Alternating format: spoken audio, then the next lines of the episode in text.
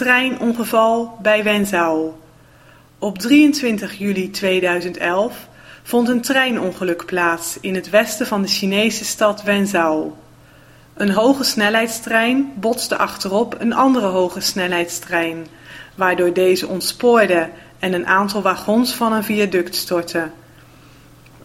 De oorzaak van het ongeval was dat de voorste trein door de bliksem werd getroffen, waardoor de energievoorziening terugliep en de trein steeds langzamer ging rijden.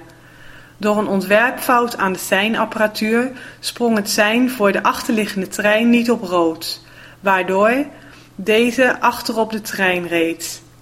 Tot op heden hebben minstens 35 personen het ongeluk niet overleefd en zijn er meer dan 200 gewonden. De berichtgeving is echter tegenstrijdig.